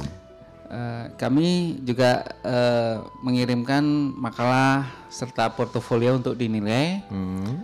Kemudian dari seluruh Jawa Timur yang mengirimkan itu dipilih enam. Dari enam itu kita presentasi eh, untuk em, eh, me- apa ya meranking satu dua tiga dan seterusnya. Itu termasuk juga inovasinya. Iya, Oh. termasuk inovasinya. Jadi eh, waktu itu saya mengambil tentang eh, kompetensi seorang pustakawan, bagaimana perpustakaan itu bisa eh, punya kompetensi agar perpustakaan yang dikelola itu lebih baik, lebih Hmm. bagus, lebih eh, termanage. ya. Ya, Dan salah satu yang saya unggulkan di situ yaitu eh, otomasi perpustakaan. Hmm, terus kemudian seleksi itu dari Eh, setelah itu kita eh, di Surabaya di hotel saya lupa namanya itu kita presentasi untuk eh, bagaimana eh, kiprah kita selama ini di perpustakaan. Sudah ngapain aja gitu lah seperti itu. Ya seperti itu yang saya unggulkan eh, waktu itu saya punya eh, eh, mempunyai komunitas yang otomasi perpustakaan itu yaitu Hmm. MRSC Madiun Regional eh, Slim Community. Jadi sebagai ajang berbagi atau belajar tentang eh, software otomasi perpustakaan atau software lain pendukung yang untuk eh, perpustakaan juga seperti itu. Kalau boleh tahu MRLC, MRSC. MRSC itu tadi beranggotaan berapa? Apa hanya lingkup di dunia pendidikan atau mungkin mencakup Oke. sesuatu? Sebenarnya MRSC ini siapa pun ya, Hmm. siapa pun yang mau belajar tentang software otomasi slim itu sendiri. Boleh dari sekolah, akademisi ataupun masyarakat Hmm. yang pengen mengembangkan diri eh, belajar otomasi, oke, kita belajar sama-sama Hmm. gitu. Pada intinya kita berharap eh, perpustakaan itu lebih terkelola, Hmm. termanage dengan baik dengan adanya software itu, membantu pekerjaan seperti itu. Iya, iya, iya. Terus dari dari proses seleksi itu tadi, jenengan juga sudah masuk di babak berikutnya begitu. Eh, kemarin eh, yang diambil ke babak berikutnya yaitu hanya juara satu saja. Hmm. Jadi yang juara satu itu dari Gresik kalau nggak salah itu Ini langsung kalau boleh tahu bocoran inovasinya apa bentuknya? Yang di- mungkin bisa yang Gresik deh. yang Gresik, Hmm. yaitu eh, dari Gresik itu MTSNU Gresik, Hmm. yaitu membuat pocok baca seperti. Oh, Tapi kenapa? pojok baca itu terkelola dengan baik. Hmm. Jadi seperti pengelolaan perpustakaan. Jadi ada administrasinya, ada apa penambahan koleksinya, Hmm. pengelolaan serta apa perawatannya sendiri. Hmm. Dan itu eh, termasuk apa ya penataan atau Hmm. Bagaimana kreasi- kreasi kreasinya itu biar lebih menarik seperti itu. Dan bagusnya itu rutin tiap bulan itu dilombakan. Oh, itu yang ini. bikin keren gitu ya. bisa ditiru Iya, ya, bisa ditiru. Ah, keren iya. sekali. Ya. Jadi Ah. saya juga secara nggak langsung juga belajar Berbagi pelan- berbagi pengalaman. pelajaran, berbagi ilmu Iya, ya, iya, bagaimana bikin perpustakaan atau taman baca atau pojok baca yang menarik Hmm. yang bisa dikunjungi semua orang bisa bermanfaat seperti itu. Seperti tidak tidak hanya internet yang di pojok itu. Sekarang ada wifi ya gratis di kota ini yang Iya. ada di pojok kan. ini perpustakaan nggak boleh kalah ya. Iya, iya, Betul, kalah itu. Oke oke lanjut lanjut untuk cerita dari ini kemudian Kemudian Ah. eh, saya ya apa lebih ke pribadi saya jadi Hmm. lebih apa, memotivasi memotivasi Iya, diri iya. saya sendiri. Memang eh, saya menurut saya perlombaan itu sebagai ajang untuk eh, evaluasi Hmm. Se- sejauh mana kita itu dan bagaimana kita bisa menjadi seseorang yang yang berkompetensi, yang punya ilmu atau bagaimana ba- seseorang yang bagus, yang baik seperti itu. Intinya seperti itu. Oke. Baik, sahabat Sarmadion, jangan lupa di akhir nanti saya akan seperti biasanya saya akan menyediakan eh, door prize ya, door prize yang tentunya juga terkait dengan tema ma- eh, bahasan tema malam hari ini. Ini saya sediakan, ini kebetulan juga didukung langsung oleh eh, Direktorat Pemberdayaan Informatika Kementerian Kominfo ya. Kemudian juga ada ICT World dari Open Madiun juga community ini juga mendukung. Ya, ini silakan saja simak nanti pertanyaan apa yang saya sajikan di akhir acara ini. Ya, siap-siap aja berebut di sana di 461817. Hadiah door prize-nya menarik sekali. Nah, itu apa bentuknya? Ya, tentunya nanti sahabat Suara Madiun bisa langsung ambil di Radio Suara Madiun tentunya ya. Baik, terima kasih ini tadi sekilas pengalaman berbagi pengalaman dari eh, Mbak Mas Rifan. Kemudian Mbak Rani ini sebagai pustakawan kalau boleh tahu selama mengelola di sekolahan ini sudah sudah berapa tahun, Mbak? Eh, saya di sekolah mulai 2009. 2009 ya. Jadi sekitar Ya. 9 tahun. Apakah eh, selama ini sudah pernah mengikuti seleksi lomba pustakawan khusus atau bagaimana? Kalau untuk pustakawan belum, tapi belum. kalau untuk perpustakaan Perpustakaannya. iya Hmm. pernah, iya. Nah selama ini mungkin dari seperti yang diikuti Mas Rifan tadi ini sebenarnya dari unsur yang umum sebagai pustakawan yang disponsori oleh eh, kementerian tertentu begitu ada nggak ya untuk setiap tahunnya mungkin monggo. Sebenarnya kalau di lingkup Kemenak sendiri baru dua tahun ini. Hmm. Dua tahun ada. ini ya. Tapi kalau si versi Kemdikbud dan Ah. perpustakaan provinsi itu Ah. sudah ada. Sudah ada sebenarnya. Setiap tahun sudah ada di Hmm. biasanya di Februari atau sampai April itu ada. Hmm. Saya pernah dulu juga eh, ikut eh, di yang versinya perpustakaan provinsi Hmm. ya. Memang saya saya di berniat ya nggak kalah atau menang tapi saya memang eh, ingin, menyerap ilmu dari Hmm. Betul, apa, betul, betul. paparan dari teman-teman Betul, itu betul, seperti betul. itu. Seperti apa punya gambaran kita kira mungkin sinkron dengan keinginan apa ya. Seperti ini. Ada ide-ide Untuk baru. Mbak Rani sendiri ada keinginan nggak untuk lebih memacu ya? Tidak hanya karena ini tugas, saya ini karena ini saya di lingkup ini. Mungkin ada ada semacam niat. Iya pada dasarnya orang bekerja itu Hmm. tidak hanya untuk bekerja ya. Iya, iya, iya. Tidak hanya untuk menghasilkan Hmm. dari segi materi atau Hmm. ekonomi enggak. Kepuasan pribadi itu Hmm. juga terlintas gitu. Tapi Iya. mungkin untuk saat ini Iya. karena saya Masih ya Hmm, masih kalau wanita itu kan apa ya? tugasnya double-double.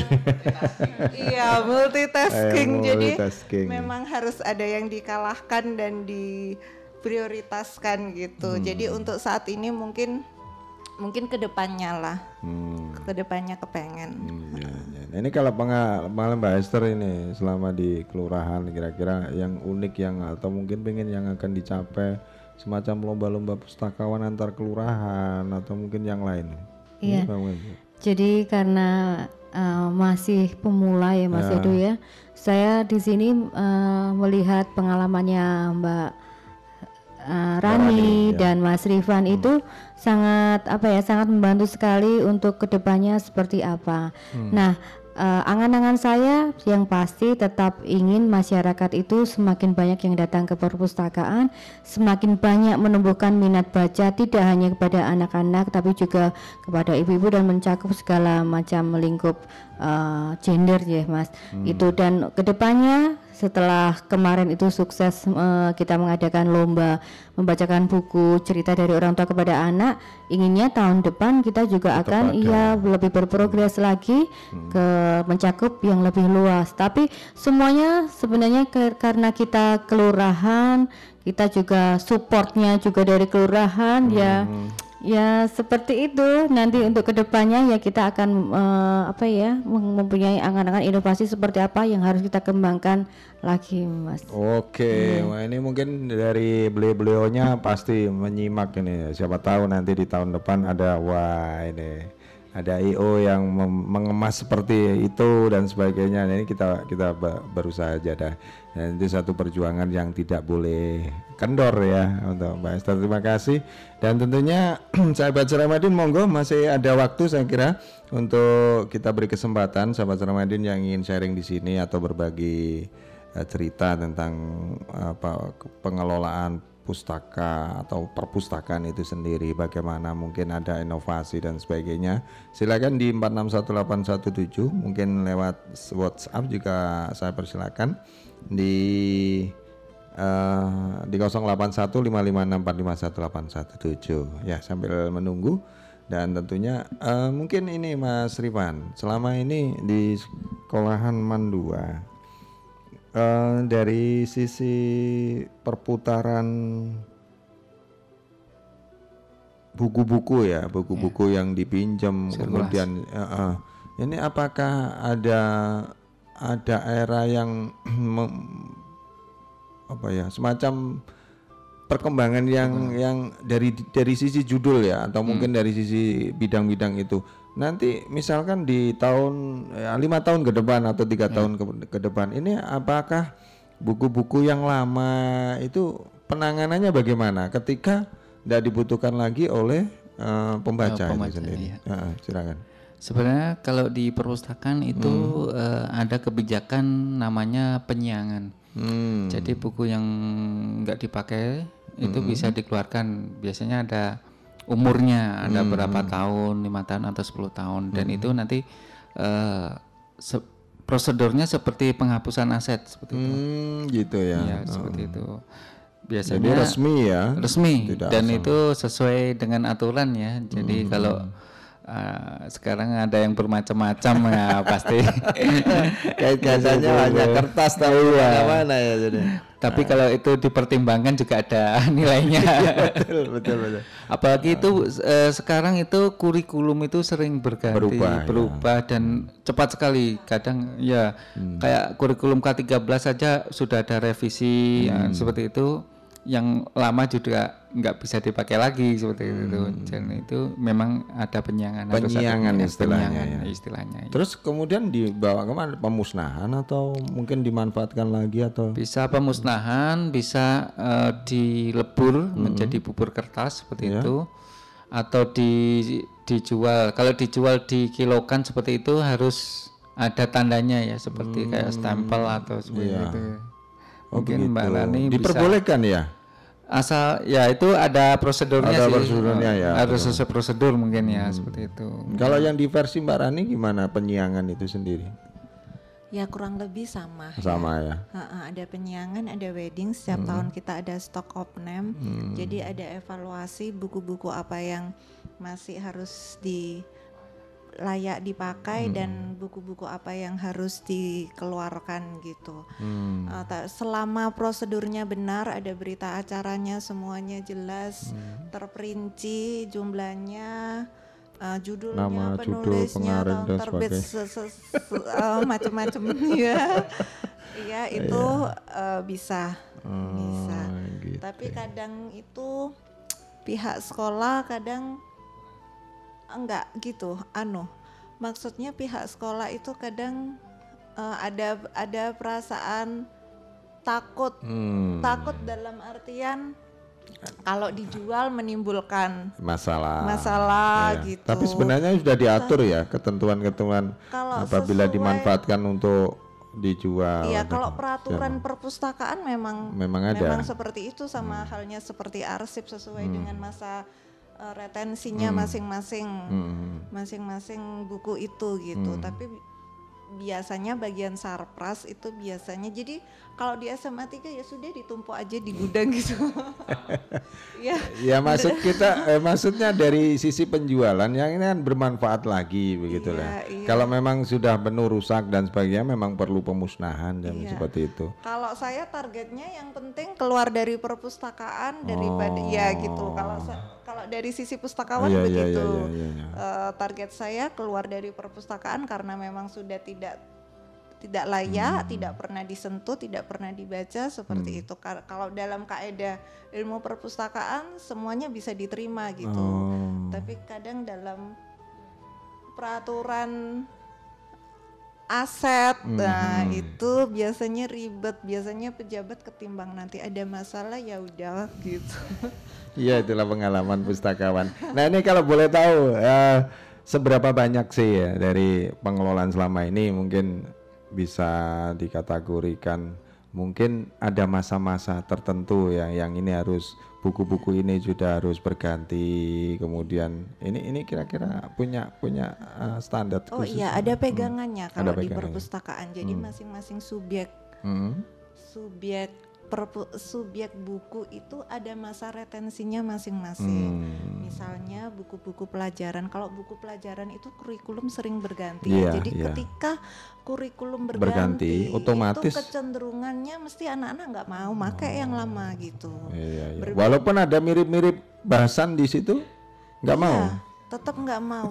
Kadang itu materi itu dibolak-balik Eh. gitu. Walaupun sebenarnya sama, tapi anak-anak nggak mau. Nggak mau ya. Gitu. Waduh. Tapi kalau misalnya buku-buku umum gitu, buku teknologi biasanya yang Ah. cepat masa retensinya karena Nah, gitu ya. teknologi itu ber apa dinamis ya. Oh, maksudnya bergeraknya cepat gitu. iya bergeraknya cepat. Oke, sebelum berlanjut, eh oh kok, kenapa kok diam? Nggak jadi ya? ya beda ya kalau di, di di waktu itu saya saya punya adik masih turun pelajaran untuk adik untuk ini. Seperti, itu bermanfaat banget. Disimpan disampuli dan sebagainya. Tapi memang ya sepertilah dinamika eh, pendidikan di Indonesia yang tentunya juga berkembang lebih pesat dan dan tentunya juga lebih mudah saya kira untuk mem- memperoleh satu eh, bidang tertentu yang terkadang kita susah mencarinya ya apalagi dibantu dengan sistem otomasi ini juga lewat eh, IT widget kita. Kita mau cari judul apa pun di buku di di Mbah Google itu. Sudah keluar. Eh kalau Mbak Esther ini apa ini? Yang yang mungkin eh, bisa disampaikan lah untuk yang khususnya di kelurahan ini ini sebenarnya kita gabungkan berkolaborasi nanti Iya. yang versi pustakawan yang ada Hmm. di pendidikan dan di kelurahan ini untuk Iya. ya, so. Sebenarnya kalau kelurahan jauh dari otomasi perpustakaan paling karena tidak bisa ngikuti kan Iya, Oh, dari sini saya bisa mengambil iya mengambil berbagai eh, pengalaman dari Mas Rifan, dari Mbak Rani. Kalau untuk kelurahan sebenarnya tantangannya adalah bagaimana memasyarakatkan gemar membaca kepada semua masyarakat Hmm. dan ayo berkunjung ke perpustakaan kelurahan. termasuk kreativitas eh, kreativitas atau inovasi yang ada di lokasi perpustakaan itu sendiri ya Iya, perlu seperti kita karena eh, Kelurahan Kanigoro itu pelayanannya juga lumayan banyak Mas Oh, Edo setiap hari. Jadi dari situ kita sudah memajang beberapa buku. Biasanya yang paling berminat itu adalah ibu-ibu. Jadi ibu-ibu di situ eh, ada tentang kategori memasak, ada tentang kategori menjahit. Biasanya yang paling digemari itu itu. Dan karena kita juga ada anak-anak, biasanya anak-anak ikutan untuk karena kita juga sediakan untuk pojok ramah anak di mana di situ juga ada permainan edukatifnya untuk anak-anak. Nah, ke depannya nanti kita juga tetap untuk karena saya sendiri sebagai kelompok informasi masyarakat, jadi memberikan informasi kepada uh, sesama anggota KIM, juga anggota PKK dan masyarakat lain untuk mari sering uh, datang ke perpustakaan, juga menggiatkan lagi untuk berkunjung ke perpustakaan lewat anak TK dan PAUD. Begitu Mas Edo. Oke, Iya. harapannya juga seperti itu ya. Iya. Oke, baik, terima kasih. Ini karena waktunya juga merambat begitu cepat, ini sebagai closing deh. Ya, closing untuk Mas Rifan ini. Apa sih sebenarnya yang ingin mungkin Mas Rifan kan nggak mungkin ya dari jiwa pustakawannya ini hanya untuk diri sendiri. Pastilah ingin dikembangkan kepada generasi yang selanjutnya. Ini kira-kira keinginan yang seperti apa ini agar pustakawan ini tetap eksis, kemudian juga bisa bersandingan dengan teknologi. Ini gimana? Hmm. Oke, Eh, saya sendiri berharap eh, para pustakawan atau siapa pun yang berkecimpung di dalam perpustakaan itu eh, kita eh, meningkatkan keterampilan kita Hmm. atau semangat kita dalam mengelola perpustakaan. Kita harus belajar ke siapa pun, walaupun secara umur atau secara pengalaman lebih di bawah dari kita, Hmm. tapi seumpamanya kalau kita tidak punya ilmu sesuatu tersebut, kita bisa belajar kepada siapa pun. Karena ilmu itu lambat atau cepat pasti bermanfaat untuk kita atau lebih bagus lagi kalau kita share kepada siapa pun dapat be- bermanfaat bagi semua orang Oh seperti itu. gitu ya. Oke, terima kasih itu harapannya. Kemudian Mbak Rani, apa ini sebagai closing? Apa yang di dalam mungkin ada keinginankah untuk pustakawan tidak hanya karena tugas saja di lingkungan pendidikan, apakah mungkin ada rencana oh saya nanti di di sekalian di Pasuruan atau di mana pun ini ada sesuatu yang ingin ingin monggo silakan. Ah. Ah, kalau saya pribadi sih nggak hanya pustakawan aja ya, semua orang yang ber memiliki ketertarikan terhadap dunia literasi, Ah. terutama pustakawan, Iya, iya. guru, Mm. siapa pun ya marilah kita bergandengan tangan Hmm. supaya kita bisa menggerakkan kita harus bisa apa ya menye- memberikan pengetahuan kepada masyarakat supaya masyarakat itu bisa lebih menjadi manusia yang Hmm. berpengetahuan dan berperadaban dengan eh, akhir-akhir ini banyak berita Hmm. hoax Ya luar biasa ini Iya yang serangannya. sangat luar Betul. biasa nggak ngerti hoax Apalagi di era-era politik ya. iya di tahun-tahun Nah, politik seperti ini itu aja sih kepinginan saya ini bisa bisa bisa disikapi oleh masyarakat Iya. umumnya. Oke. Ada lagi Mbak Esther tambahan mungkin harapan yang yang mau disampaikan atau mungkin mungkin yang beliau-beliau yang mendengarkan ini ada beliau-beliaunya nanti jangan oh iya nanti tahun-tahun nanti kita akan sampaikan lewat Iya, uh, amin, ya. mungkin ya. Ya. Hmm. Jadi harapan saya ya tetap seperti tadi Mas Eko karena membaca adalah uh, jendela ilmu pengetahuan. Jadi bagaimana menumbuhkan minat baca atau budaya gemar membaca itu bukan hanya tadi sasarannya kepada anak TK dan PAUD tapi kepada seluruh lapisan masyarakat untuk gemar membaca. Itu Sudah. saja. Oke. Terima kasih sahabat Suramadun. Saya kira sampai di sini dulu eh, obrolan kita di kesempatan malam hari ini yang nampaknya juga kalau kita bahas memang dari sisi pustakawan ini atau perpustakaan yang yang saat ini digeluti oleh dua pustakawan dari Mandua ini Mas Rifan dan juga Mbak Rani dari SMA 3 ini sebagai contoh bahwasanya memang tidak mudah sebagai upaya untuk eh, gemar membaca data dari cerita dari narasumber ketika narasumber itu tadi memang kita bisa memahami yang yang ada di lapangan atau di re- yang real di yang kita temui pada saat ini. Tentunya memang menjadi pekerjaan rumah kita semuanya di semua lini paling tidak Uh, Radio Suara Madiun menyampaikan bahwasanya perpustakaan ini bukan hal yang uh, patut ditakuti ya.